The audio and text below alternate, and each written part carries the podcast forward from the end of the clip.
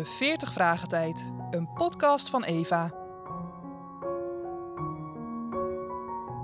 Dag 37. Waarom koos het volk uiteindelijk Barabbas en niet Jezus? We lezen Lucas 23, vers 13 tot en met 25. Pilatus riep de priesters, de leiders en het volk bij elkaar. Hij zei tegen hen: Jullie hebben Jezus naar mij toegebracht met de klacht dat hij het volk in opstand brengt. Daarom heb ik hem vragen gesteld. Daar waren jullie zelf bij. Maar volgens mij klopt het niet wat jullie zeggen. Jezus is dus onschuldig.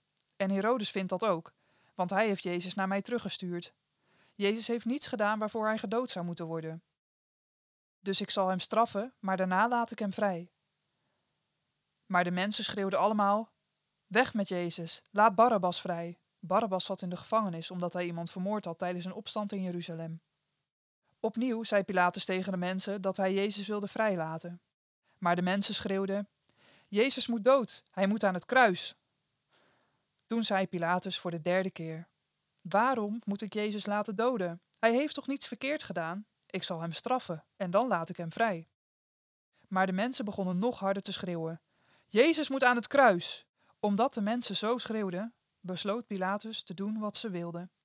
Hij liet Barabbas vrij, de man die iemand had vermoord tijdens een opstand, en Jezus gaf hij aan zijn soldaten mee om gedood te worden.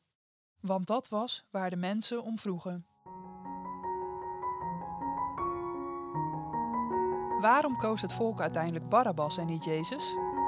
Het antwoord. In het lijdensverhaal speelt de figuur Barabbas een merkwaardige rol.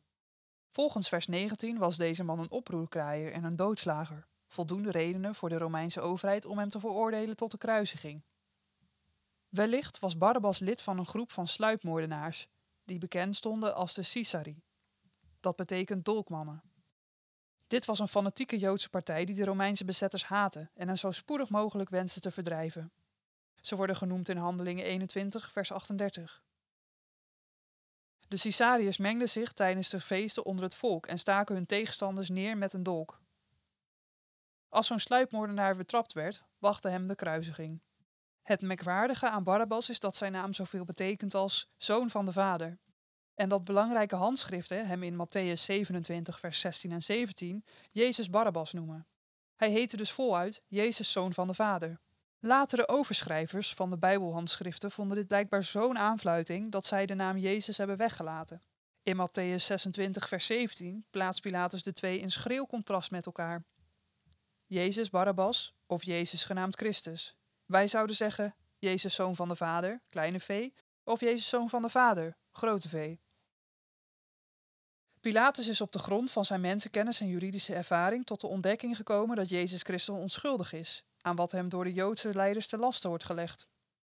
Om het volk te plezieren is hij nog wel bereid Jezus te laten gezelen, maar verder wil hij niet gaan.